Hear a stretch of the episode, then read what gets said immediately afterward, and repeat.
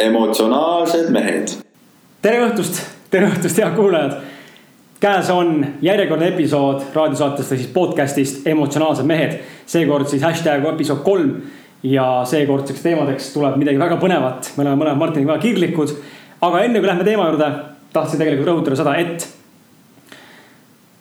meile väga meeldib see, kuidas tegelikult meie saadet kuulata ja, ja esimest saadet on kuulatud varsti juba sada korda, teist saadet, mis sai üles laaditud eelmine laupäev on juba kuulatud üle viiekümne korra ja tagasiside on endiselt positiivne, me oleme jätkuvalt tänulikud, jätkuvalt õnnelikud, et inimestele meeldib, inimesed resoneeruvad meiega, meie mõtete, meie kontekstiga. mis on äärmiselt tore ja äärmiselt meeldiv. seega suur aitäh teile. omalt poolt tahaksin veel siinkohal rõhutada ja tegelikult tänada, et meil hakkab väike traditsioon sihuke välja kulgema juba vaikselt. et iga saade, kui keegi on meile andnud sihukese mõnusa arvustuse, sihukese mahlaka arvustuse. siis me tegelikult tahaks teda tänu, tänada ka nimeliselt ja täna on ainukene. Sel nädalal siis oli üks arvustus, mis tuli juurde meile Eh, Facebooki review'de alla. tahate, minge lugege neid ja siinkohal ma tooksin välja siis juba nagu täisnimeliselt, sest et ta oli era, era, era, eraindiviidi visiidis, et. et eh, Laura Einas, eh, suur aitäh sulle selle eest, et sa võtsid vaevaks kirjutada meile ja anda tagasisidet, sest et see on meie jaoks ülimalt oluline. ja ainult, ainult see on see, mis tegelikult paneb meid rohkem edasi tegutsema, kui näeme, et inimestele meeldib. mina olen Kris Kala ja mina olen Kris Kala, mu kõrval on. Martin Pukspuu. Martin Pukspuu et äh, tänane saade hakkas jälle selles mõttes väga närvesöövalt, et me tegelikult on toimunud väike upgrade, hea uudis on see, et me saime mikrofoni endale. aplaus. saime mikrofoni endale, aga sellega ikka hakkas paras kepp, aga selles mõttes, et ma ei, ei hakka sellele pikalt peatuma, aga see tehnika lihtsalt ei ole meie teema ja see lihtsalt ei toimi, no tee, mis tahad, nagu selles mõttes mikrofon toimib. praegu räägin mikrofoni, aga mul on selline tunne, et mingit olulist kvaliteedivahet vist ei olnud, aga, aga võib-olla vaatajad saavad paremini, kuulajad saavad paremini aru võib-olla no loodame, loodame, sest et see on juba üsna kvaliteetne mikrofon. sest ennem me ju, me ostsime omale kaks seda sihukest headset'i. ja no ei saa, ei saa ühendada kahte USB, USB-ga headset'i ühele arvutile taha, no mis sa teed. ja ostsime nüüd uue mikrofoni ja see on juba veidi kallim äh,, korralikum, aga siin jälle testisime enne saadet ja tundus, et ei ole mingit kvaliteedivahet, ma suutsin jälle herneks vihastada närvihaige nagu ma olen ja noh aga noh, tõenäoliselt on, eks seda juba oskate teie meile ka tagasisidet anda. ja, ja kui, kui see ei ole praegu tõesti selle mikrofoni tippkvaliteet, siis ma luban, et ma uurin selle äh, järgmiseks podcast'iks välja, kuidas saab seda paremini seadistada, ma lähen käin Music, Stanford Musicus tegelikult ära ja küsin kuttide käest järgi, et tegelikult siinkohal ka. tegelikult Martin käis välja selle idee, see on hea mõte, tahtsime tegelikult tänada ka. tahad sa rääkida, miks äkki lühidalt? aa jaa, muidugi, muidugi, muidugi kui teil on vaja, kallid kuulajad, kui teil on vaja mingit äh, helitehnikat äh, kõik helitehnikaga seonduv. üldse muusika, muusikaga seonduv. ja, ja, ja väga suur pood, seal on kõike alates mingitest võimudest, kitarridest, ma isegi ei oska nimetada neid helitehnika riistu. aga igastahes seal on kõik olemas, Stanford Music on koha nimi. asuvad nad jah, Raua tänaval ja ülimalt hea klienditeenindus, ülimalt hea klienditeenindus, nii et äh, soojalt soovitan teil külastada seda poodi, kui ole, olete muusikahuviline ja teil on midagi vaja. absoluutselt aitavad välja, et ma olin ka väga üllatunud, mina neid näost näkku ei näinud kahjuks. aga telefonist ma juba sain väga sihukese positiivse vibe'i ja sihukese pau kätte, et tõesti. suur aitäh teile, Jan ja Martin Stanford Musicust, kes aitasite meil ähm, valida välja uue mikrofoni ja, ja andsite nõu, et nendest eelmistest headset'idest ei mitte sittagi välja väga tore, aga lähme tänase saate juurde, tänane saade on selles mõttes ähm, täna saade keskendume siis äh, väga olulisele teemale, milleks on armastus, suhted ja seks. ja püüame selle kokku võtta niimoodi, me ei lähe selle saatega kolme tunni peale või nelja päeva peale, sest tegelikult siin annab rääkida nii Martini kui minul endal äh, isiklikest kogemustest ja üldse sellel teemal. ma julgen arvata, et reaalselt siit saaks jutustada raamatu. et aga, aga püüame olla kokkuvõtvad, püüame olla kontekstipõhised ja pakkuda teile võimalikult palju väärtust ja võimalikult palju informatsiooni, mida siis enda elus kasutada ja rakendada. ja ma loodan tõesti, et te saate siit natukenegi siis inspiratsiooni, motivatsiooni. aga lähme siis saate juurde. aga mina olen juba tükk aega, kuna siin toas on nii palav ja me siin ilma särkideta istume. ma olen juba tükk aega oma rinnanibu ümber olevaid karvu siin näppinud kisub erutavaks ma lihtsalt pidin mainima seda. aga jah, lähme saate juurde aga lähme siis saate juurde ja räägime tegelikult siis tõesti suhtest. tähendab mina isiklikult võin öelda nii palju, et äh, ma nüüd ütlen väga midagi julget ja ma tean, kõik, ütleb mulle, tahab mulle öelda vastupidist, siis te võite samu, sõna, sõna otseses mõttes minna sinnasamma, ma ei hakka teid kuskile saatma, aga võite ise valida, kuhu tahate minna. aga ma julgen nimetada ennast äh, teatud määral suhteeksperdiks, sellepärast et ma ütlen ausalt, mul on, mul on, mul on olnud väga võimas kogemus äh,. alates hetkest, kui ma olin äkki kolmas-neljas klass sai minu tegelikult suhted üldse alguse, inimesed naeravad, mõtlevad, et issand jumal, sa oled nii noor, et mis suhe see üldse on. Vaata, kui inimene suudab olla intelligentne ja ikkagi võtta vastu informatsiooni ja informatsiooni anda ja seda ka seedida. siis tegelikult äh, ei ole vanus absoluutselt mingi küsimus, et olgu ta siin kümne aasta või neljakümne aastane, mõnikord on ka kümneaastased palju targemad kui neljakümne aastased. ja minu elukogemus on näidanud mulle läbi suhete väga palju seda, kuidas tegelikult, äh, kui oluline suhe, kuidas seda õiget suhet hoida. ja, ja kuidas üldse töötab õige suhe, kuidas töötab, mina nimetan seda intelligentseks armastuseks. ja kuidas tegelikult üldse elus siis äh, tõesti noh, teha, teha selle, selles mõttes tööd, et see suhe töötaks. Et äh, ma ütlen sihukese avalause või ava, avamõtte ja siit me hakkame edasi minema, et äh, minu silmis, minu kogemus ütleb praegu, et siin saate jooksul võib-olla me Martiniga natuke hakkame võib-olla omavahel mitte sada protsenti nõustuma ja teil on kindlasti selles mõttes kindlasti huvitav, huvitav kuulata, eks ole. ja, ja see on täiesti fine, aga me üritame anda teile siis kahe inimese perspektiivi sellest, mis on õige suhe, mis mitte. me väga palju asjadest kindlasti nõustume ka. aga mina julgen väita esimese asjana seda, et äh, üks korralik suhe on tegelikult nagu täiskohaga töö. mis sa sellest lausest arvad? Ma nõustun sellega ja ei nõustu ka, aga ma arvan, et rohkem, rohkem nõustun. see kõik oleneb, mis nurga alt seda vaadata. vaata, mina mõtlen, mida ma mõtlen selle all, kui ma ütlen, et et õige suhe on tegelikult täiskohaga töö, on see, et tegelikult see vajab esiteks, see vajab pühendumist see võtab sult aega, mitte nagu halvas mõttes aega, aga see võtab sult aega, see vajab pühendumist. Ja see tegelikult võtab ka sinult selles mõttes, paneb sind selles mõttes, äh, kui sul on õige partner, kellega sa koos oled, siis tegelikult paneb sind arenema. arenema, vabandust, mitte arendama, arendama teist ka muidugi, aga ennast arenema ja endast, ennast arendama. ja mina isiklikult näen väga hästi, kuidas tegelikult nüüd eelnevad suhted võib-olla natuke vähem mõjutanud, aga loomulikult on sealt ka tulnud väga, väga suured õppetunnid, kuid see suhe, mis praegu mul on, see on äh, noh, siiani tõenäoliselt raske nüüd öelda, aga, aga ma tunnen, et see on mul viimane ja viimane, viimane suhe, mis on üldse hakkab olema, eks ole, sest et, et. ma olen leidnud inimesi, kellega elu lõpuni koos olema, tõesti loodan seda. ja, aga ma näen samal ajal seda, et see tulemus, meil saab nüüd varsti viis aastat, see tulemus on tegelikult tulnud puhtalt selle pealt, et ma olen niivõrd palju pannud tööd sisse sinna. ja mitte ainult mina, vaid ka tegelikult partner. ja, ja kui ma mõtlen täiskohaga töö, siis ma mõtlengi selle seda, et selle nimel, et see suhe toimiks, tuleb mõlemal poolel väga palju vaeva näha. jah, see on, vot, vot see võib-olla ongi see, et näiteks kui sa ütled seda, et äh, suhe on täiskohaga töö, minul tuleb esimese asjana nagu mõttesse see, et äh, suhe on miski, mille nimel peab pidevalt pingutama ja natukene just nagu siukses võib-olla. kohustus nagu. kohustusena. ja, ja ma seda mõtlen. ma nagu võib-olla tahakski selgitada ka inimestele, et äh, mida Kris mõtleb, on, on see, et suhted tulevad meile õpetama nii-öelda meie enda kohta. suhted toovad välja meis meie enda nõrgad küljed ei ole olemas ideaalset partnerit. ja, ja selles mõttes, et äh, kui sa hakkad nendes suhetes siis äh, nägema enda nii-öelda kitsaskohti, enda nõrku kohti, siis nendele on kohati väga valus otsa vaadata. ja, ja sealt hakkabki see töö, see nii-öelda töö iseendaga, töö suhte kallal. Ja, ja see on just see, mida, mida sa mõtled, eks ju. Mitte, mitte seda, et inimesed ei sobi omavahel kokku. ja siis vägisi. siis sa pead vägisi üritama mingit tööd. hambad ristis jah, ei, ma ei mõtle seda loomulikult, et kui ikkagi asi ei toimi, siis tuleb saata see kus kurat ja nii edasi, tuleb parem onju, aga ma just mõtlesingi ja, et hea, et sa välja tõid. et see, see sõna, et suhe on täiskohaga töö minu jaoks tähendabki seda, et äh, sa pead olema valmis vaeva nägema. aga, aga tuleb ka selle samal ajal sellest aru saada, et äh, suhe tegelikult peaks kulgema täiesti loomulikult. Täiesti nii-öelda orgaaniliselt voolama selles mõttes elus, ta peaks olema effortless pingutusteta. loomulikult nüüd, kui ma mõtlen pingutusteta, siis kindlasti mõni mõtleb, et ei no jumal, tule taeva, kuradi, tule maa peale, et see ei ole võimalik, onju. minu suhe on olnud viimased viis aastat, selles mõttes ma tahaks öelda pingutusteta, ta on voolanud ideaalselt, ta on perfektselt, ta on täiesti. ta on nii lihtne olnud, mul pole elus mitte kunagi olnud lihtsam, lihtsamat suhet kui on praegu, aga ma olen pidanud tegema tööd selle nimel, et see oleks selline eriti algusperioodidel ja tegelikult ka praegu nüüd, et see suhe püsiks sellisena. et seda ma tahan rõhutada, et see suhe peab olema nagu effortless, ta peab voolama, ta on lihtne, mitte sunnitud ja mitte vägistatud kuskilt välja, eks ole. aga sa pead tegema tööd, et ta püsiks sellisena, oleks olemas kirg, oleks olemas üksteise mõistmine, üksteisega suhtlemine. Eh, ausus, otsekohesus, mis iganes veel need elemendid on, mida keegi väärtustab tegelikult ühe suhte juures. olgu selleks siis tõesti kas siis armastussuhe või, või sõprussuhe, ma üldse siin tegelikult ei kategoriseeri praegu vaid oluline on aru saada sellest, et tuleb sisse panna see töö selleks, et asi toimiks nagu ikka päris elus. noh, ka muude asjadega on, ükski asi ei toimi niisama, kui sa midagi ei tee selle nimel. jah, võib-olla ma tahaks minna natuke isiklikumaks jälle. mine muidugi nagu,. muidu läheb natukene, ma tunnen siukseks natuke loengu pidamiseks, et, et äh,. ma ütleks minu, minu sihuke suhteelu on olnud suhteliselt äh, väga suuri rõõmuhetki pakkuv ja samas ka väga suuri kannatusi pakkuv.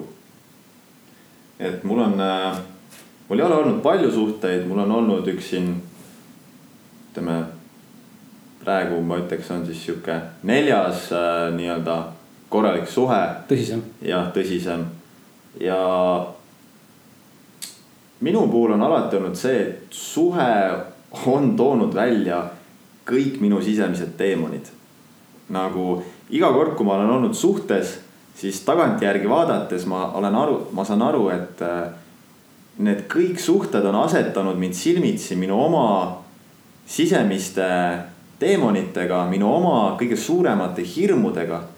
ja varasemalt ma tõenäoliselt, ma ei ole sellest tegelikult nii hästi aru saanud ja need suhted on lõppenud minu jaoks alati väga valusalt. nii-öelda südame murdumisega, eks ju.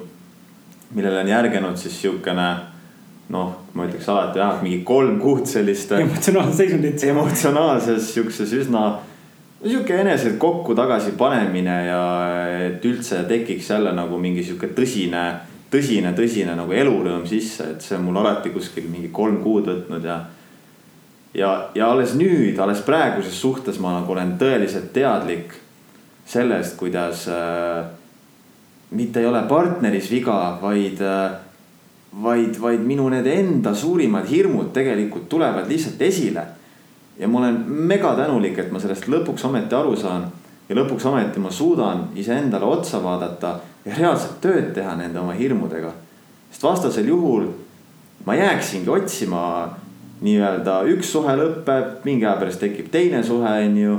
ja, ja jääkski kordama sedasama mustrit mm. -hmm. kus kogu aeg äh, tundub lõpuks, et, äh, et mul on, et mul on üksi parem. kuigi tegelikult lihtsalt äh, naine suudab vajutada nii-öelda, kui on tõeline armastus suhtes, siis naine suudab vajutada nii tugevalt meie nõrgas kohtadel, nõrk, nõrk, nõrgas kohtadel nõrkadele kohtadele, eks ju. väike släng. ja siis ongi väga raske on nagu kohati näha seda, et, et see on et, et minul on mingid probleemid, minul on mingid nii-öelda teemad, millega ma pean tegelema. Ja, ja asi ei ole üldse naises, eks et varasemalt ma, ma ei ole seda nii hästi aru saanud, kui ma saan nüüd aru noh, ta üldse tegelikult, äh, sa märkad praegu, sa tood praegu näite, sa mõtled väga hästi välja selle suhte koha pealt tegelikult elus üldse niimoodi ju, nagu me rääkisime ka esimeses osas, kes kuulas, kes ei kuulanud, et esimeses osas tegelikult me rääkisime üldkokkuvõttes emotsioonidest ja, ja niimoodi nagu veidi filosofeerisime, aga siit seesama point tegelikult tuleb nüüd ka välja, et. et teised inimesed, mitte kunagi ei ole tegelikult teine süüdi, vaid, vaid teine on võimeline välja tooma meis need elemendid ja need trigger'id või käivitajad. mis tegelikult siis käivitavad meis need emotsioonid või mingisugused käitumismustrid. ja mina näiteks näen väga hästi samamoodi, räägin kohe enda kogemust ka siia juurde kohe kõrvale, et minul näiteks oli, mul, mul selles mõttes nii palju isiklikult tunnistan, mul nii palju ei ole minu jaoks suhe nagu proovile panek. et pigem see kõlab nüüd, kõlab nüüd nagu mingil määral egoistlikuna, aga ma tunnen, et. Et vähemalt selles suhtes on niimoodi, et vähemalt loomulikult ma, mu elukaaslane on ka väga lõpetanud, aga samal ajal ma näen, kui palju tegelikult olen. olen ka mina tegelikult teda aidanud välja tulema just nagu võib-olla sügavamast mingisugusest depressiooni astmest ja võib-olla kurbusastmest on ju. et päris depressioon ei olnud, aga inimene hästi kurb ja, ja mida ma näen enda puhul, Martin ütles ka, et pärast igat mahajätmist oli selline kildudeks lagunemine ja, ja mul on olnud terve elu samamoodi, et minul on ka kusjuures olnud praegu neljas tõsine suhe. et kui me nüüd arvestame tõesti neid nooremaid ka, kus ma olin seal neljas klass ja viies klass ja võib-olla kuues klass on ju. Mis tegelikult olid ka tegelikult noh, olid juba mõistvad inimene ja mingi, mingil tasandil suhe oli on ju, viimane suhe oli tõesti, kui ma olin, olin gümnaasiumis ja siis oli üheksandas klassis ja. ja, ja et aga igale, igale, iga etapp on lõppenud tegelikult minu jaoks täpselt samamoodi sellega, et mind jäetakse maha, minu, minu süda murtakse mm. -hmm. ja mingi põhjusel on mind kaks korda ka noh, nii on nagu vale öelda, et pet, nagu petetud, selles mõttes keegi ei ole nagu petnud kellegi maganud, aga, aga mingis kontekstis on olnud sihuke nagu teise poisiga mingisugune jänn. Ja, ja minu süda on nagu selles mõttes haiget saanud, ma olen inimene, kes on väga truu suhtes, ma ei, ma ei suudaks elu sees mitte kedagi selles mõttes petta või, või, või ma isegi, ma isegi, mul isegi tuleks isegi mõttesse, olgu minu ees ükskõik ilus tüdruk, ma isegi suudaks teha seda. ma ei teeks seda põhimõtte pärast. ja, ja see kildudest lagunemine mida ta on mulle õpetanud, on õpetanud teist, teist inimese usaldamist. ja, ja nüüd ma näen eriti selles praeguses suhtes väga tugevalt seda, kuidas ma tegelikult olen õppinud usaldama, kui ma mõtlen praegu tuua nagu näiteid võib-olla, kus on usaldus hakanud minu jaoks toimima, siis. Niimoodi suhte mastaabis, et mul on nagu see arme, mul on olnud armukadedus hästi suur kogu aeg terves elus. nagu terve elu kogu aeg mm. tüdrukud ütlevad, ma olen ilgelt armuga, ta läheb kuskile välja, mingi sõber helistab, eks ole, mingi sõber, noh, mingi poiss, poisist siis meessoossõber helistab, onju. mul kohe kurat emotsioonid keevad, tahaks kohe kurat sind kuradi, kuradi lõuga anda, onju, kuigi me oleme kakleja, aga tekib see viha, eks ole, see viha, see tahaks välja et tule ma nii putsi nahku küll, onju. Mhm. ja, ja tegelikult ei ole nagu tollal aru saanud, aga nüüd ma saan aru sellest, tegelikult see on olnud armukadedus puhtalt ja tegelikult täiesti süütu nagu täiesti tegelikult vaja, ebavajalik selles mõttes. Aga mida ma näen nagu usalduse koha pealt, mida näiteks ma lõpetan praegu minu praegune elukaaslane, kellega ma olen viis aastat varsti koos olnud tema ma lõpetan usalduse koha pealt seda, et näiteks, kuidas me Austraalias olime, kui ma sattusin songa operatsioonile, siis tema pidi käima reaalselt tööl järgmised nii-öelda neli-viis kuud üksinda teenima raha ja mind ülal pidama, sest ma ei saa, ma ei olnud võimeline ühtegi füüsilist tööd tegema. ja mul ei jää muud üle kui usaldada, et inimene võimeline meid, meid ülal pidama. et muidu on see, noh, ja üleüldse iga, igapäevastes valikutes ka, et sa lased kellelgi kas teha süüa, eks ole, või sa, või sa lased tal ma ei tea, valida välja mingi filmi mingi kinno minemiseks või mingi, osta sulle mingi elemendi, elemendi, mingisuguse asja, eks sulle tuua või kingituse või. Need pisikesed asjad ka tegelikult näitavad seda, kas sa usaldad inimest või ei usalda, kui suur on sinu usaldus teise inimese vastu.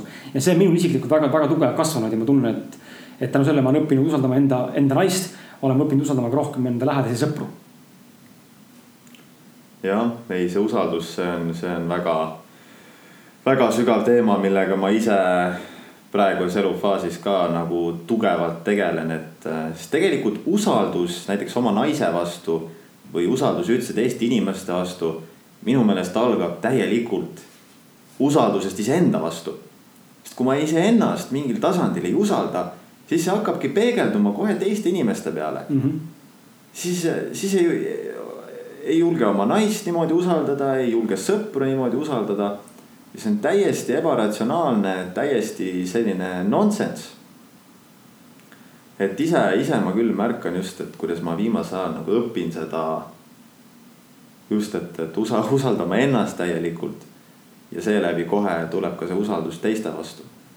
vaata, mul tuleb usaldusega, selle iseenda usaldamisega tuleb kohe sihuke, tuleb kohe selline mõte pähe, et äh, me räägime rääkides ükskõik missugusest tasandist lähtudes, siis tegelikult elus on ikka niimoodi, et kõik saab alguse meist endast et kui me soovime muuta maailma, eks ole, siis me tegelikult peaksime alustama iseendast.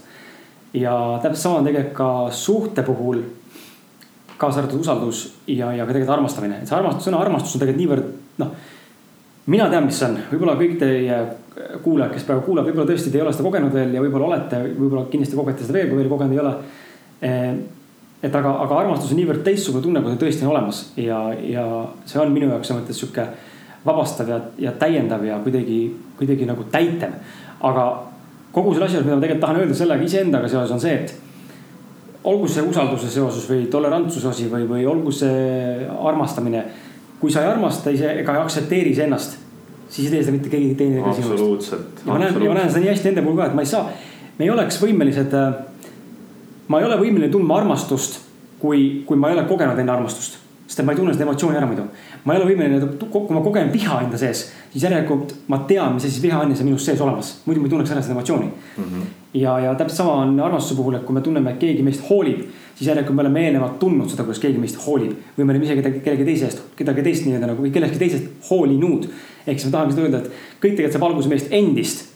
ja siis ta nagu justkui noh, sõna peegeldamine võib-olla ei ole päris see, aga aga ta ikkagi kandub üle selles mõttes endast juba teisele poole ka, et me ei saagi enne mõista. sa pead iseendast hoolima selleks, et suuta teisest hoolida. just, sest muidu sa ei saa aru, mis see hoolimine tegelikult on ju. et kuidas sa saad, kuidas sa saad olla täiskõhutundega pakkuda teisele näiteks täiskõhutunnet, kui sa tegelikult ei tea isegi, mis täis, mis täiskõhutunne on. kui enda kõht on tühi pidevalt. noh, see ei ole üldse loogiline, et see, ma loodan, te saate nagu aru mu pointist, et sul tuli mingi jutt, tahtsid midagi kohe vahele öelda, tuli mingi jutt tuli või, mingi mõte ei, ma võib-olla tahtsin selle usalduse koha pealt rohkem ka rääkida, et jälle, et äh, natuke selgitada, et et usaldus mitte selles mõttes. et kas ma nüüd usaldan oma partnerit, et kas ta mind petab või mitte või mm -hmm. noh, see, see on nagu, seda muidugi mitte, muidugi, muidugi ma ei mõtle selle all seda äh,. kuigi väga paljud mõtlevad tegelikult seda noh, olenemata vanusest. ja, aga usalduse all ma mõtlen just see sügav eneseusaldus, et see, mida mina pakun oma naisele et see on piisavalt hea, see on väärtuslik, see on puhas, see on mm. õige. ja, ja, ja et ma suudan seda kõike naisele pakkuda.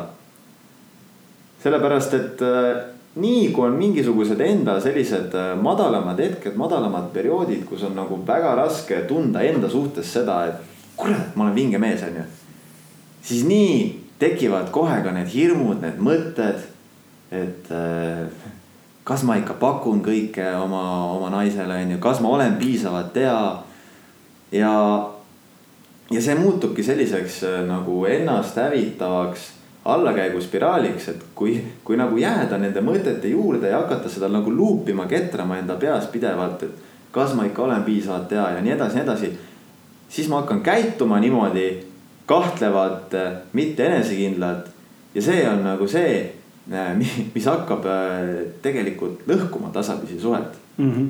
ja, ja just, mida ma, mida ma viimasel hetkel nagu olengi hästi palju õppinud, olengi õppinud märkama neid hetki, kus mul on sihuke madalam seis ja nii-öelda lõikama läbi, läbi selle teadlikkuse, läbi selle märkamise võime, lõikama siis läbi need negatiivsed mustrid, kus ma lähen sinna sellisesse enesevihkamisse ja seeläbi hakkan ka nagu. kehvemalt käituma. kehvemalt käituma, jah.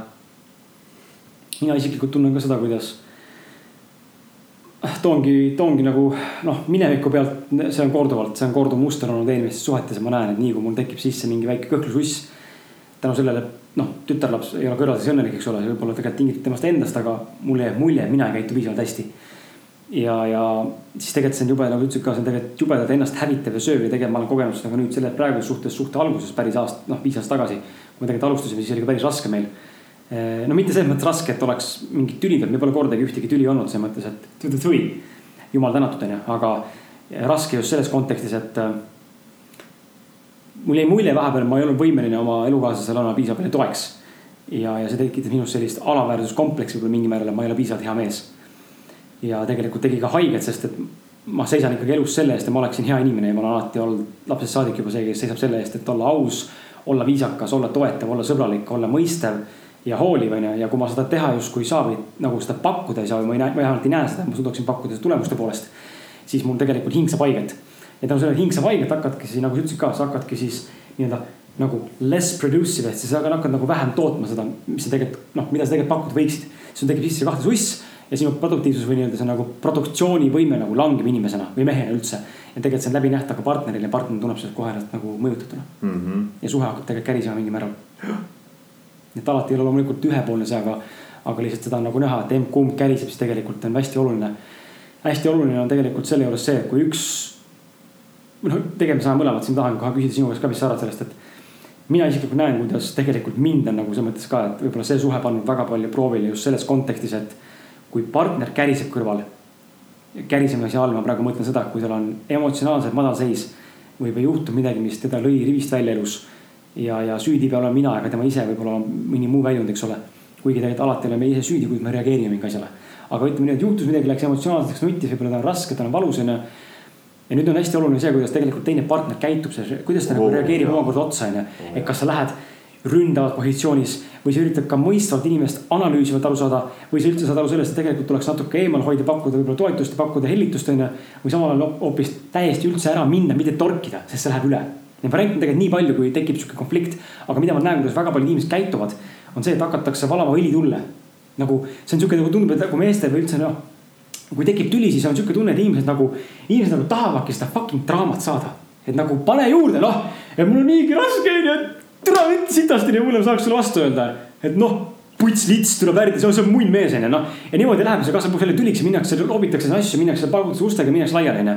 selle asemel, kuulata nagu, selle asemel, et võtta kokku ja üritada rääkida teineteisega, kuulata, olla mõistev. üritada näha, nagu me oleme eelnevalt Martiniga rääkinud eelmisest periood, eelmistes episoodides ka, et seesama, üritan näha nagu alati mõlema inimese perspektiivi mm. -hmm. sest siis tekib sul ülevaade sellest, mis tegelikult, mis situatsioon tegelikult siin laua ümber on sul. Jaa, absoluutselt, ma, ma ei ei saaks rohkem nõustuda, et äh, jälle asi, mida ma just nüüd selles suhtes alles nii-öelda hakkan õppima, aru saama. kuna minu isa oli, eks ju, selline hästi kritiseeriv, mahategev, mingitel hetkedel, kus ma olin väike, eks ju, nutsin siis veel umbes öeldi, et mida sa nutad, ära nuta, onju, mm. come on, onju, oled sa mees või mis sa oled, onju.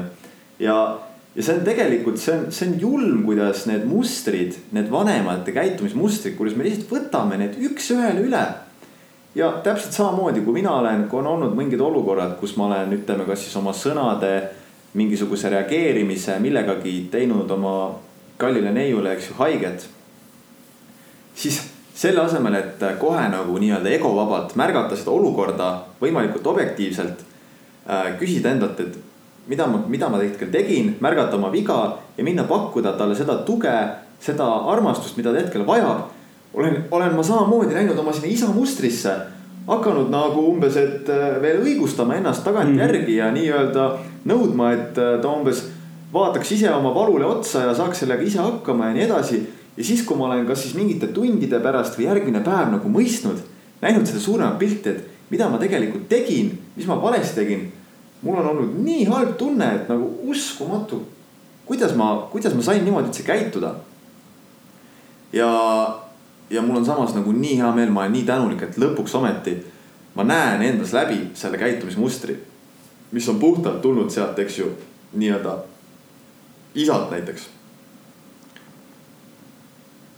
et jaa, me oleme, minu tüdruk rääkis sellest väga-väga-väga hästi, mulle väga meeldis tema see näide, et sisimas me oleme ju, me oleme nagu väiksed lapsed. ja sel hetkel näiteks, kui sa oled teinud teisele inimesele haiget, teine inimene nutab, tal on äh, raske olla. sel hetkel tegelikult inimene ei ole nagu täiskasvanu, inimene on nagu väike laps, nagu väike viieaastane laps. kes anna üldse aru endale. kes vajab tegelikult sel hetkel seda, et teda mõistetaks, talle näidatakse, et teda armat-, armastatakse mm. -hmm. ja, ja see ongi nii tegelikult seda, seda me peaksimegi nendel hetkedel tegema. ja vaata omakorda tegelikult siit võib minna nagu selle tasandil, et sulle pakutakse armastust, sulle pakutakse hoolitsemist, eks ole, või hoolivust.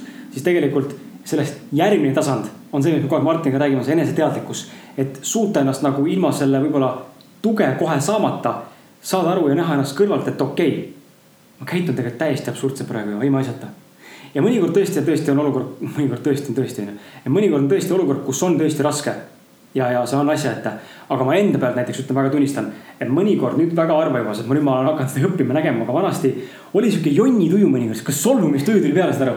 ja sa mossitad lihtsalt nagu mingisugune viimane väike kuradi vänt onju. sa mossitad, sa inised, sa vingud, sa oled tusane ja lõpuks läheb see mingi periood, läheb mingi aeg mööda, eks ole, kedagi sa kuulata ei taha, keegi sinuga rääkida ei tohi, siis sa nähvad vastu onju, kedagi kuulata ei taha aga mingi hetk hakkab kuidagi see alateadlik, kuidagi mingi asi hakkab sulle ütlema, et kuule, vaata, kuidas sa käitud praegu. ei ole midagi hullu tegelikult ju mm, -hmm. miks sa oled sihuke, tule välja sealt, kõik on korras ju. ja nii kui sa tuled sellest emotsioonist välja, saad aru tegelikult, et issand, kui nõmedalt ma käitusin eelmised tund või kaks tundi onju. aga inimesed ei tee seda millegipärast. see ego on nii fucking kaval. see meie ego on nii kaval, sel hetkel, kui sa oled selle emotsiooniga kaasas, sul tuleb miljon täiesti loogilist, täiesti ratsionaalset põhjust miks sinul on õigus mm, -hmm. miks sina käitusid õigesti. miks ma pean seda emotsiooni saama. ja, ja, ja, ja, ja, ja alles hiljem sa märkad, et nagu mida fuck'i, mis mul viga on, miks ma nagu, miks ma, come on, ma ju armastan seda inimest, onju, et miks ma nagu võimendasin seda tüli edasi, ajasin taga mingit oma õigust, onju miks ma lihtsalt ei läinud, ei pakkunud inimesele armastust, onju. või isegi siis, kui on tõesti tüli, ei pakkunud kompromissi või nagu selles mõttes ei pakkunud nagu võimalust rääkida, noh selgelt ja sulaselgelt sellest, mida mõlemad tegelikult mõtlesid sel asjal mm. -hmm. see nagu saate alguses oli, ma ütlesin selle lause välja, et armastus on äh, kui täiskohaga töö, onju. aga Martin tõi väga hästi välja see näite, et inimesed väga, väga erinevalt tõlgendada seda. ja tegelikult on suhtes samamoodi, me võime väga erinevalt tõlgendada mingit sõna või mingit fraasi või mingit mõtet. ja kui sa ei suuda ennast piisavalt hästi seletada ega ennast väljendada inimese kombel, siis tegelikult, siis no kuidas peaks teine üldse aru saama, kui see, kui see nagu ei väljenda ennast, et, et minu jaoks suhtes, miks ma rõhutasin ka, et see suhtlemine on niivõrd oluline element ja ma näen praegu, kuidas mul enda elukaaslasega ei ole mitte midagi, millest me ei räägiks. sa saad aru, siin ei ole mitte midagi, millest ma reaalselt ei räägiks, mul ei ole mitte ühtegi saladust täies. ja ma näen, et see minu puhul toimib praegu ideaalselt, kui eelnevates suhetes võrreldes olid asjad, millest ma ei saanud rääkida või ei julgenud rääkida, siis ma teadsin, et mu partner ei mõista mind, kuigi ma oleks tahtnud tegelikult rääkida.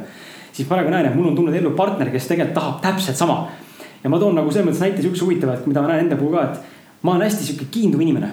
ma võtan kinni, ma klammerdun, ma hüppan sulle, hüppan sulle külge, ma mähin kõik enda kombitad sulle külge, onju. ja ma ei lase sinust lahti, pakun sulle armastust, ma valan sind täiega üle. aga ma tean, mõnele inimesele see ei meeldi ja, ja mõned inimesed ei ole valmis selleks. ja ma olen terve elu otsinud seda endale, et kuidas ma sain viimane kord väga haiget, mäletan, mulle öeldi, et ma olen liiga hooliv. ja ma ei mõistnud seda, mis see nagu tähendab. ma nüüd nagu saan sellest nüüd aru, aga hetkel on mul reaalselt partner, kes on minu täiesti selles mõttes nagu selle koha pealt koopia, kes tahab täpselt sedasama tunnet jagada. ja see teeb minu jaoks oluliselt olu, olukorra nii palju lihtsamaks. sest me oleme sel teemal rääkinud, me tegelikult mõlemad teame, mõlemad tahame seda nüüd teha, see on meie mõlema nagu soov pakkuda sihukest klammerdavat armastust ja olla kakskümmend neli seitse ninapidi koos. see on nagu meie, inimesed on erinevad, ma ei rõhuta siin, et see õige on. lihtsalt ma räägin, mis minu jaoks töötab ja ma näinud olen, et, et kui ma leian selle, leidsin selle partneri, kes nüüd on võimeline vastu võtma seda minu kiindumust, siis tegelikult see ei ole probleem enam. aga enne oli. jah, see on äh,, mul oli mingi teema, mingi asi, mida ma tahtsin öelda selle eelmise asja koha pealt selle kommunikeerimise koha pealt ja ma olen täiesti nõus, et äh, aus, võimalikult selge eneseväljendus ja teisele oma, oma vajaduste. selgitamine. selgitamine, kommunikeerimine on nagu hädavajalik, sest et just nimelt me tuleme kõik erinevatest taustadest. see, kuidas mina mõistan mingi sõna, mingi, mingi asja tähendust, ma mõistan läbi oma kogemuse ja partner mõistab läbi oma kogemuse ja, ja inimesed võivadki üksteisest täiesti valesti aru saada kuigi tegelikult võib-olla mõlemad tegelikult tahavad olukorras täpselt sama, onju. et äh, jaa, aga ma tahtsin nüüd selle teemaga edasi minna mm, -hmm. mis sa just rääkisid. räägi, räägi. ja just see klammerdumise teema, et äh, see on, ma olen päris palju uurinud ka neid siukseid pick-up videosid ja seda siukest pick-up teemat on ju, et nii-öelda sebimis mm, -hmm. lantimiskunst on ju, et äh, mida see endast kujutab ja, ja kui ma siin vaba olin, siis vahepeal ka käisin ühe sõbraga äh, klubis ja, ja, ja nii-öelda natuke siis harjutasime seda sihukest äh, sotsiaalset dünaamikat. meheks olemist alfaks olemist jah, seda sotsiaalset dünaamikat ja. ja noh, tegelikult oli päris huvitav näha, päris huvitav oli näha küll, et, et kõik need põhimõtted, millest nad nendes raamatutes, videodes räägivad. et noh, tegelikult see nii toimib ka. ja võib-olla jah, selle klammerdumise koha pealt on see, et naised, te ju üldjuhul, te tahate, te tahate tunda seda, et mees on nii-öelda väge täis mees teeb oma asja, mees teab, mida ta elus tahab. ja, ja see tema nii-öelda oma siukse kire tagaajamine ja oma asja tegemine on mehe jaoks nii-öelda see elu kese. ja siis ta jagab sinuga ka seda armastust, eks ole. et siis nagu naine tunneb, et eks ju, et oh. On mees. see on vinge mees, teda saab usaldada ja, ja, ja, ja temaga ma umbes tahan lapsi teha ja nii edasi, eks ju aga jah, selle klammerdumise koha pealt, et no muidugi, eks ju, eks ma olen ise ka seda äh, teinud äh, suhetes. eriti siin üks, üks eelviimane asi, kus ma ikka väga, väga klammerdusin tegelikult ära ja, ja, ja vastu sealt seda armastust ei tulnud ja, ja jäeti mind maha ja mille üle ma olen nüüd tegelikult väga tänulik. Meeletult hea õppetund. aga eks ma endaski märkan nendel nõr-, mingitel nõrkadel hetkedel seda, kus ma, kus ma justkui nagu kus naine muutub minu jaoks justkui nagu liiga tähtsaks, mitte selles mõttes, et naine peabki olema mehe jaoks väga tähtis. aga selles mõttes liiga tähtsaks, et mul on sihuke tunne, et ma ei suuda enam omi asju üldse teha, ma mm. tahangi ainult naisega olla. ja see on jälle nagu, mis natuke mõjub nii-öelda pikemas perspektiivis, siis hakkaks mõjuma suhet lõhkuvalt. aga ma just tahtsin nagu sinu kohta öelda, et kui ma sind kõrvalt vaatan, minu meelest sa ei ole nagu üldse klammerduv, et see on lihtsalt võib-olla see ongi see nagu hoolimine, see, kus sa lihtsalt reaalselt hoolidki naisest ja. selles ei ole tegelikult mitte midagi klammerduvat. lihtsalt võib-olla kui naine, kui ütleme, see sinu eelmine suhe, kus oli, kus sulle öeldi, et sa oled liiga hooliv. tema võib-olla lihtsalt ei osanudki. Sellega toime tulla võib-olla, ta ei valmis selleks. ta ei hoolinud endastki võib-olla nii palju. ja pluss ma arvan, et ma tegelikult tean, noh arvata ei ole midagi, ma tegelikult tean, et ma olin armukadeda, ma olin armukade, selles mõttes see faktor oli küljes, võib-olla see häiris tegelikult ka. ja ma tahtsin nagu hästi palju ainult, ainult mulle, mulle, mulle, mulle, sa ei tohi mitte kuskile minna, eks ole, mäletad küll, see on viga sees mm. -hmm. ja ma tunnistan, et nii oli, onju, praegu mul seda asja ei ole, et tõesti, et hetkel on puhtalt ainult hoolivus, armastus ja, ja ma. ma ei tea, mida ma kõike teeksin, mul õnnelik oleks äh, naine kodus onju. aga, aga ma tegelikult tahtsin omalt poolt ka rõhutada seda, et Martin rõhutas, et ta on ülimalt tänulik sellele, et eelmine kord nagu suhtes halvasti rääkis, et ka mina olen tänulik kõikidele tegelikult nendele eelnevatele, eelnevatele elus suhtunud suhetele, mis, sest need tegelikult nii palju õpetanud mulle minu, minu enda kohta, kes ma indiviidina tegelikult olen, isiksus olen ja. ja tegelikult äh, kõige parem näide on eelmisest, noh, eelmises suhtes, mis purunes siis noh, mis iganes aasta see oli, kaks tuhat kümme äkki, ma ei tea, juba ammu, noh, meil on praegu kaks tuhat kaheksateist on ju, et see on ikka väga kaua aega tagasi juba. et aga tänu sellele suhtele, mis purunes, ma tegelikult jõudsin üldse kirjutamiseni. seega ma tahan rõhutada seda teile kuulajad, et elus üleüldse, see ei ole ainult armastusega seotud, vaid üleüldse, mis tegemisega sa teed, üldse ükskõik, mis juhtub elus ka igas halvas on midagi head ja igas heas on midagi halba. ja, ja me ei saa mitte kunagi öelda, me ei saa mitte kunagi öelda nagu selles hetkes sees olles, et, et see, mis ma teen täna, ei võiks olla aasta pärast midagi väga negatiivset. või see, see, mis on praegu negatiivne, kes, kes ütleb mulle, et võiks saada näiteks aasta pärast hüppelaud millegi, paremas suunas. Seega ärge elage, ärge, ärge elage nagu ma rõhutan need elukaaslase kogu aeg seda, sest ta kipub vahepeal ikkagi noh, ma kipun ka tegema seda, me kipume ikkagi emotsionaalselt minema selle peale mõtlema, kus me praegu oleme ja kuhu tahame jõuda, me ikka ei näe veel tegelikult kõiki neid samme, kuhu tahame jõuda. ja siis tekib sihuke mõte, et ma ei saa hakkama, see ei ole võimalik. aga vaadake, me kipume inimestena nägema seda elu hetke perspektiivist lähtudes ehk siis see, mis minu situatsioon praegu, palju mul on raha, kus ma elan, onju, kellega ma suhtlen, kui hästi mul läheb, milline ma välja näen, millised mu suhted onju. Me kipume seda kõike võtma praegu sellelt tasandilt, kus ma hetkel olen, aga me ei saa sellest aru, et juba homne võib olla täiesti kardinaalselt teine. ja me, me mitte kunagi ei tea, millal käib ära see üks väike sihuke klikk ja sa muutud inimesena nii palju, et sul on mingi tohutu meeletu enesearengu uks avatud ja sa saad minna sisse, onju. et ärge olge, ärge olge selles mõttes nagu pettunud või, või löödud seda on jube lihtne öelda, jube, jube raske tegelikult teha, kui see olukord käes on. aga püüdke nagu meeles pidada, et kui on raske, siis püüdke aru saada sellest, et esiteks püüdke leida midagi positiivset selles, sest seal on alati, alati on midagi positiivset, mis asja juures on. ükskõik kui valus see olukord ka kaasa arvatud lähedaste inimeste surm, see on kõige, kõige nurkam teema tegelikult üldse, aga ka seal on tegelikult midagi positiivset, kui tegelikult osata näha. võib-olla mitte kohe, võib-olla natukese aja pärast. -hmm jah, seda pigem on, märkad aastate pärast. märkad aastate pärast, aga alati on, see point on ikkagi samaks, alati on midagi, miks, miks see, miks see juhtus võib-olla ja mis sealt tegelikult välja võib kasvada, kui inimene on valmis seda nagu vastu võtma. aga, aga olge valmis olema ja nägema neid positiivseid lahendusi ja, ja saage aru sellest, et, et see on, see valu on ainult ajutine, see ei jää, see ei jää nagu terveks eluks.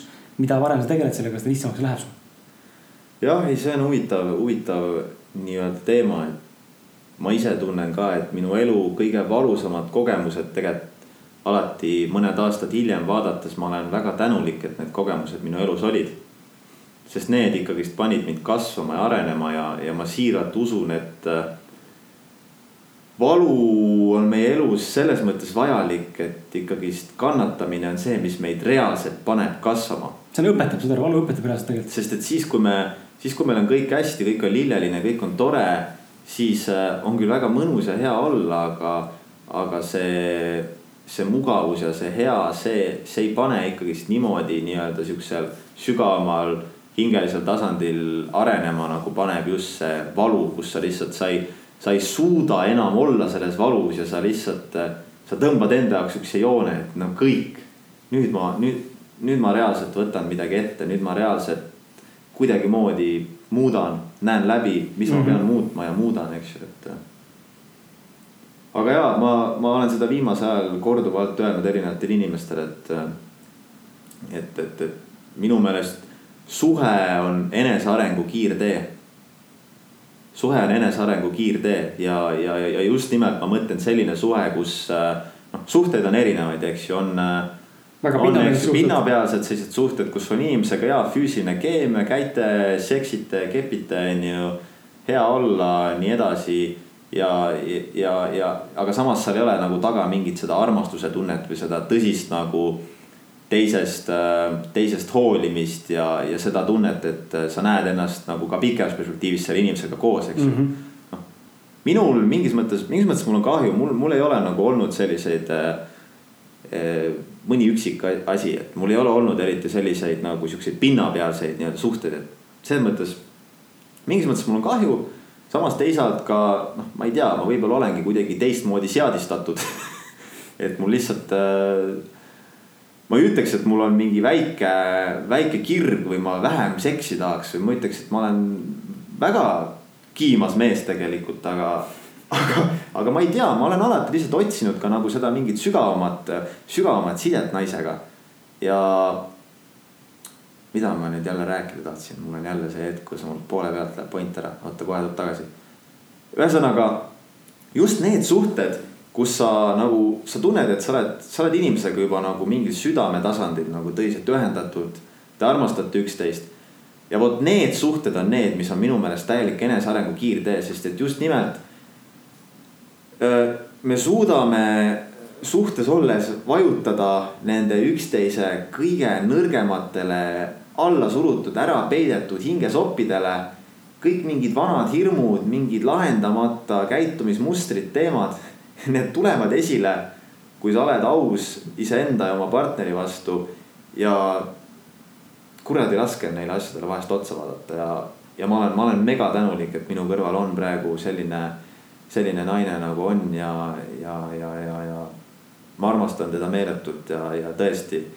ma olen mega tänulik, et ma lõpuks ometi suudan, suudan näha kõrvalt neid enda.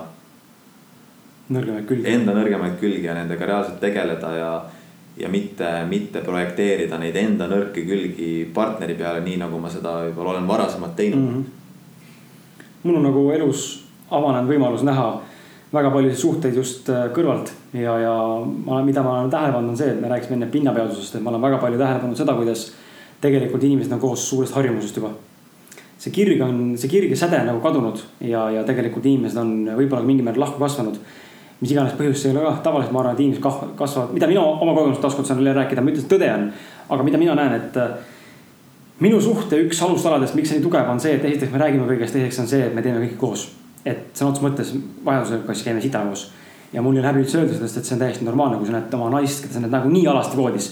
näed ka seda muud asja tegemas, see on osa inimestest ja see võib-olla mõne jaoks tundub sihuke iutülgastav. minu jaoks on see fine, kui seda on vaja teha mõnikord.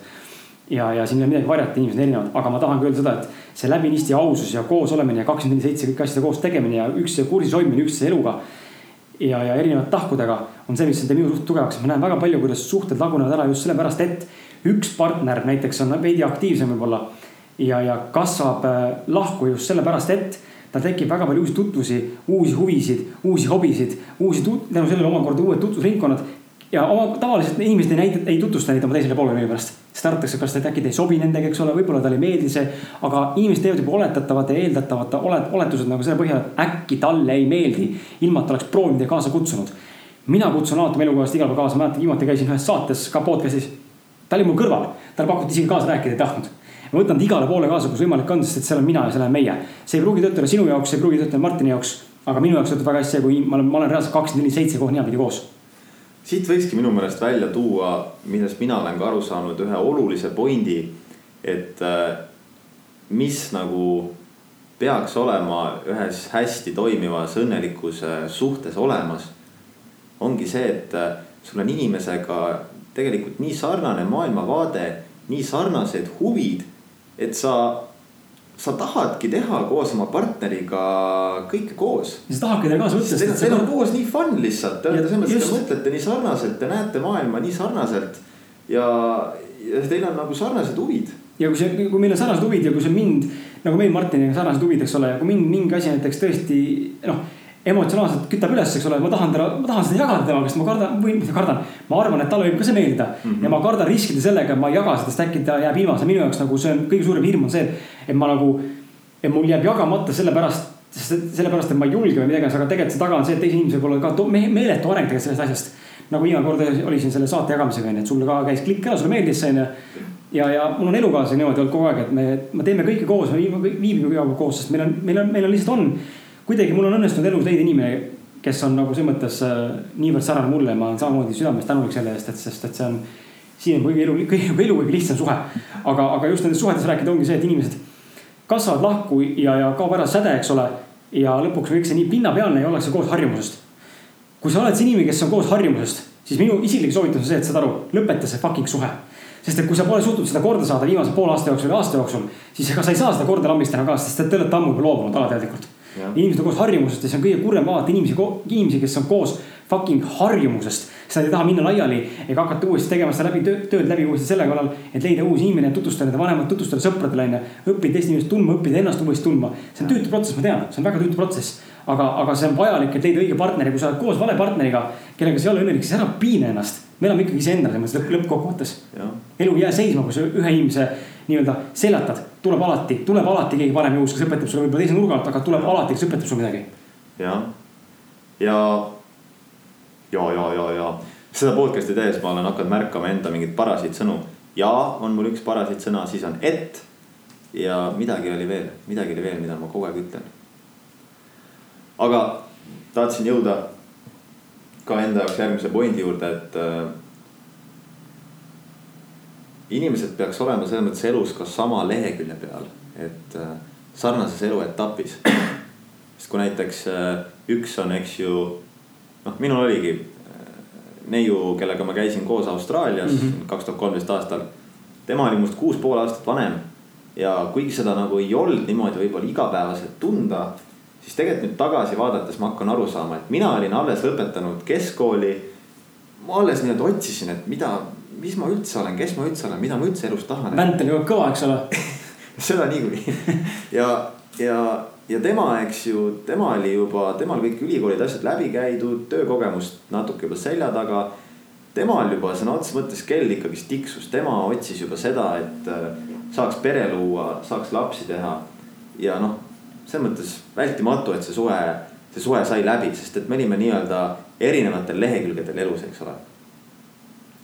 Et, et, et noh, on, on ka mingid suhted sellised, mis võib-olla tead, mis on huvitav, on see, et ma pole sulle tegelikult öelnud, aga kui te, kui mina, noh, mul õnnestus Martinit tol hetkel näha Austraalias, me käisime koos Austraalias, kes veel ei tea. ja, ja et ma tegelikult sisimas nägin, et see suhe laguneb teil mingi hetk. mitte ma mingi geenius olen, aga mul sisetunne on varem ka inimeste, kui ma kedagi kõrvalt näen. siis ma tihtipeale ikka võrdlen endaga, kuigi tegelikult noh, ei saa võrrelda, aga ikkagi sa ikkagi, ikkagi me võrdleme endaga ennast. Ja mitte üldse halvas mõttes, et keegi on must parem või halvem meie. aga sa vaatad ikka paratamatult mingeid fakte asju ja sa näed tegelikult kuidagi võib-olla, mul tol hetkel, ma mäletan, mul mul tundus, et mingi hetk see asi võib lõppeda, kui, kui Martin võib-olla ei saa nagu küpsemaks, mitte et ei olnud küpse, aga just, just oligi see, et tütarlaps oli tegelikult juba täies, täies, täies, täies elujärgus. tema oli kakskümmend kuus, mina olin kakskümmend. noh, just, et seal, seal numbrites võib-olla tõesti tundub praegu, et ei ole suur vahe onju, aga elulises aspektis tegelikult inimene oli juba valmis millekski muuks aga lähme äkki, tegelikult ma tahaks rääkida viimast teemast, mis on nagu võib-olla huvitav, huvitav on seks. seks. ja mis on, hakkab see saade varsti juba tunni ajas kukkuma. ma arvan, me peame tegema teise osa veel, võib-olla isegi kolmanda. võib-olla jätkame jah sellest jah. sest et siin ma tunnen ka, et tegelikult ma alles poole saate pealt tunnen, et ma üldse sain oma nagu mõtte kuidagi vabaks ja käima. tegelikult on nii palju rääkida sellest tegelikult on teemast. nii palju rääkida ja, ja. et nii... tegelikult ongi niimoodi, et kui see saade läbi saab täna, ükskõik kuidas see meil lõpeks siin on ju, siis kirjutage meile sotsiaalmeedia lehtedesse, Instagrami, Facebooki või, või emotsionaalse mehe lehe alla või meile eraldi. Eh, kas te sooviksite äkki me räägiksime veel, jätkaksime sama teemaga järgmine kord ka. et siis me saame, siis me teame, kas tuleb episood kaks või mitte. no me jätkame niikuinii ja me jätkame nagunii, et aga, aga selles mõttes jah, et see on teema, millest saaks rääkida lõputult, aga lähme selle seksi juurde, et ma ütleks jälle ühe lause ja ma tahan teada, kas Martin on sellega nõus ja, ja mis mõtted see temast tekitab. nagu elus ikka, mina usun seda, et äh, raha on ainult boonus selle juures, mida sa tegelikult elus teed. et elus midagi ainult raha pärast teha see minu kogemus, ma rõhutan, enne kui ma rääkima hakkan, see on minu, minu kogemus, vaatajad, vabandust, kuulajad, miks ma ütlen vaatajad, ma ei tea, äkki ma olen Youtube'iga harjunud. minu kogemus, kuulajad, on see, et kui ma olen midagi hakanud tegema raha nimel on kõik asjad perse läinud. ja mul on väga palju näiteid selle kohta, ma ei hakka neid praegu tooma, need on väga valusad näited olnud. raha lihtsalt libiseb käest ära, juhtuvad õnnetused, mis tegelikult lihtsalt ei peaks juhtuma. ja seal on fakt seos minu jaoks. seega raha on minu jaoks ainult boonus selles, mida ma tegelikult teen kirega ja mida ma naudin. ja täpselt sama minu jaoks, seks on boonus tõelise armastuse juures kui palju sa nõustud, Martin, selle väitega, et seks ei ole suhtes kõige olulisem, vaid olulisem on tegelikult armastus, sest seks on selle boonus, kui armastussuhe on paigas see on päris sihuke huvitav, keeruline küsimus, selles mõttes, et mina tunnen, et äh, seks on suhtes ääretult oluline. ta on oluline, ma olen nõus. et see kirg, see loomalik füüsiline tasand ja siis sinna juurde panna see armastus, see hingeline seotus seksis. aga ma sõnastan. minu meelest see on nagu ääretult oluline ja, ja noh, selles mõttes võib-olla ka armastus, eks ju, nagu ilma selle meeletu füüsilise kireta, aga noh, mina tean. võib-olla see on ka inimesed jälle erinev, eks ju. aga noh, mina tean, mina enda jaoks küll tunnen, et see füüsiline kirg on meeletult oluline ühes heas suhtes ja see on vähemalt seda, mida mina, mina tean, mina tahan. ma tahtsingi just jõuda küsimusega selleni, et täpsustan siis võib-olla teiste sõnadega, et, et. Äh, kui oluline või nagu, kas on siis, kas seks on kõige olulisem suhtes? kõige olulisem kindlasti mitte. aga ta on oluline faktor. aga ta on väga oluline Just, faktor. sellega ma olen nõus, et aga ta ei ole kõik, ta ei ole kõik peamine asi. kui võtta mingi näiteks a la mingi neli hea suhte alustala, noh, ma praegu siit lambist puusalt panen, et äh, usaldus, ausus äh,, ütleme sihuke. teenuse kuulumine võib-olla. maailmavaade näiteks maailmavaade. sarnane, siis ma seksi paneks kindlasti ka sinna mm -hmm. nagu mhm. nende hulka, et või noh, füüsiline, ütleme füüsiline, füüsiline klapp, keemia mm, -hmm. sihuke seks mm. -hmm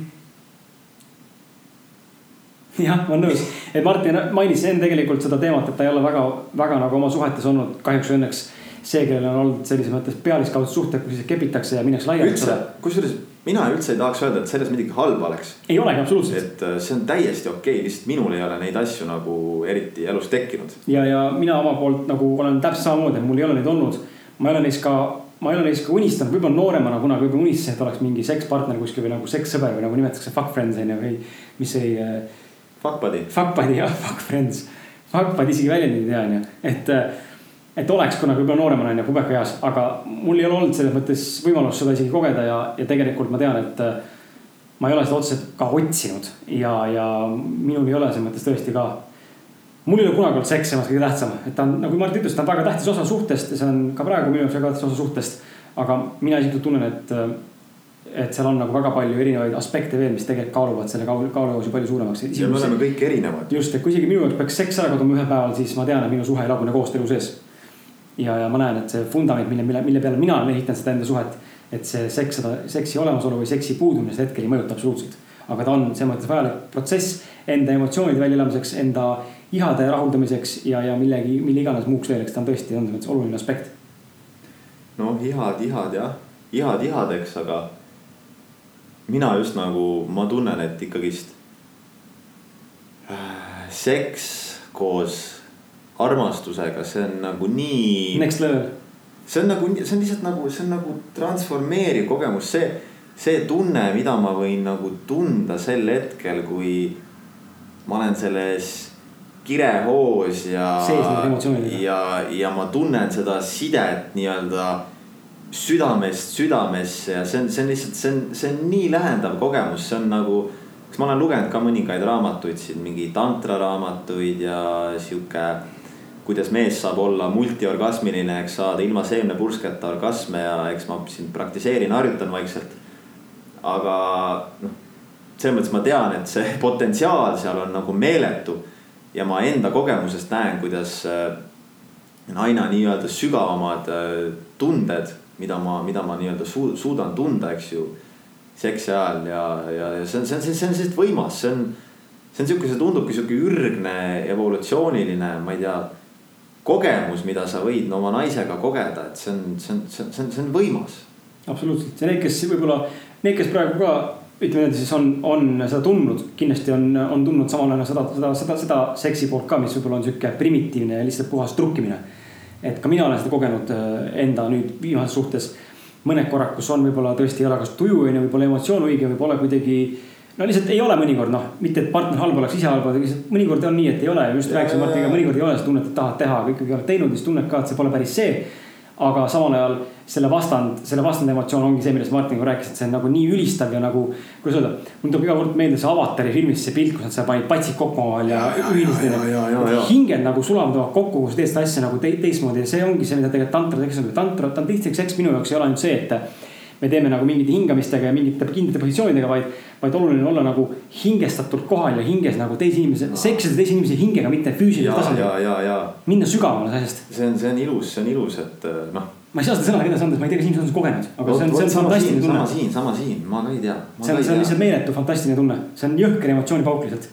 see on jah, see on, see on ma arvan kind-, tegelikult ma arvan kindlasti selles mõttes, et. ma arvan kindlasti, kindlasti on ja. kõik, kes nii-öelda ikkagist tõsiselt on armastanud elus ja, ja see armastus on kahepoolne, ma arvan, kõik need inimesed ikkagist on, on seda kogenud. kasvõi, kasvõi nendel nii-öelda suhte algusaegadel, et mm. -hmm. ei, see on huvitav teema, ma olen ka jälle selles mõttes meeletult arenenud, et äh, see on ka sihuke huvitav teema meeste jaoks, et noh.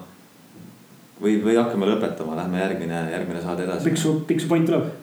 no tegelikult sellest ikka annab rääkida tõmbame praegu otsa kokku ja kui järgmine saade paremat ideed ei tule, siis jätkame suhte armastuse ja, ja seksi teemat. jätkame kohe sealt seksi teemat. kohe kurat, fistingust et äh, jah, mis ma omalt poolt öelda tahaks, tahaks natuke reklaami ka lõppu teha ikka. kui me juba sihuke podcast oleme, eks ju, et, äh, et mina olen muidu personaaltreener, treenin inimesi, treenin ennast, suur, suur kirg inimese füüsiline keha, selle vormis hoidmine, selle tervislikuna hoidmine äh,. treenimine niimoodi, et see oleks sulle ka igapäevaelus reaalselt äh, kasulik, et sa saaksid neid tre-, treenimisest saadud oskusi kasutada ka oma igapäevaelus, et see muudaks su igapäevase liikumise lihtsamaks. et see on just see, mida ma nii-öelda tahan inimestele ka õpetada ja nii et kui tahad trenni tulla, võta minuga ühendust Facebookis, personaaltreener Martin Pukspuu.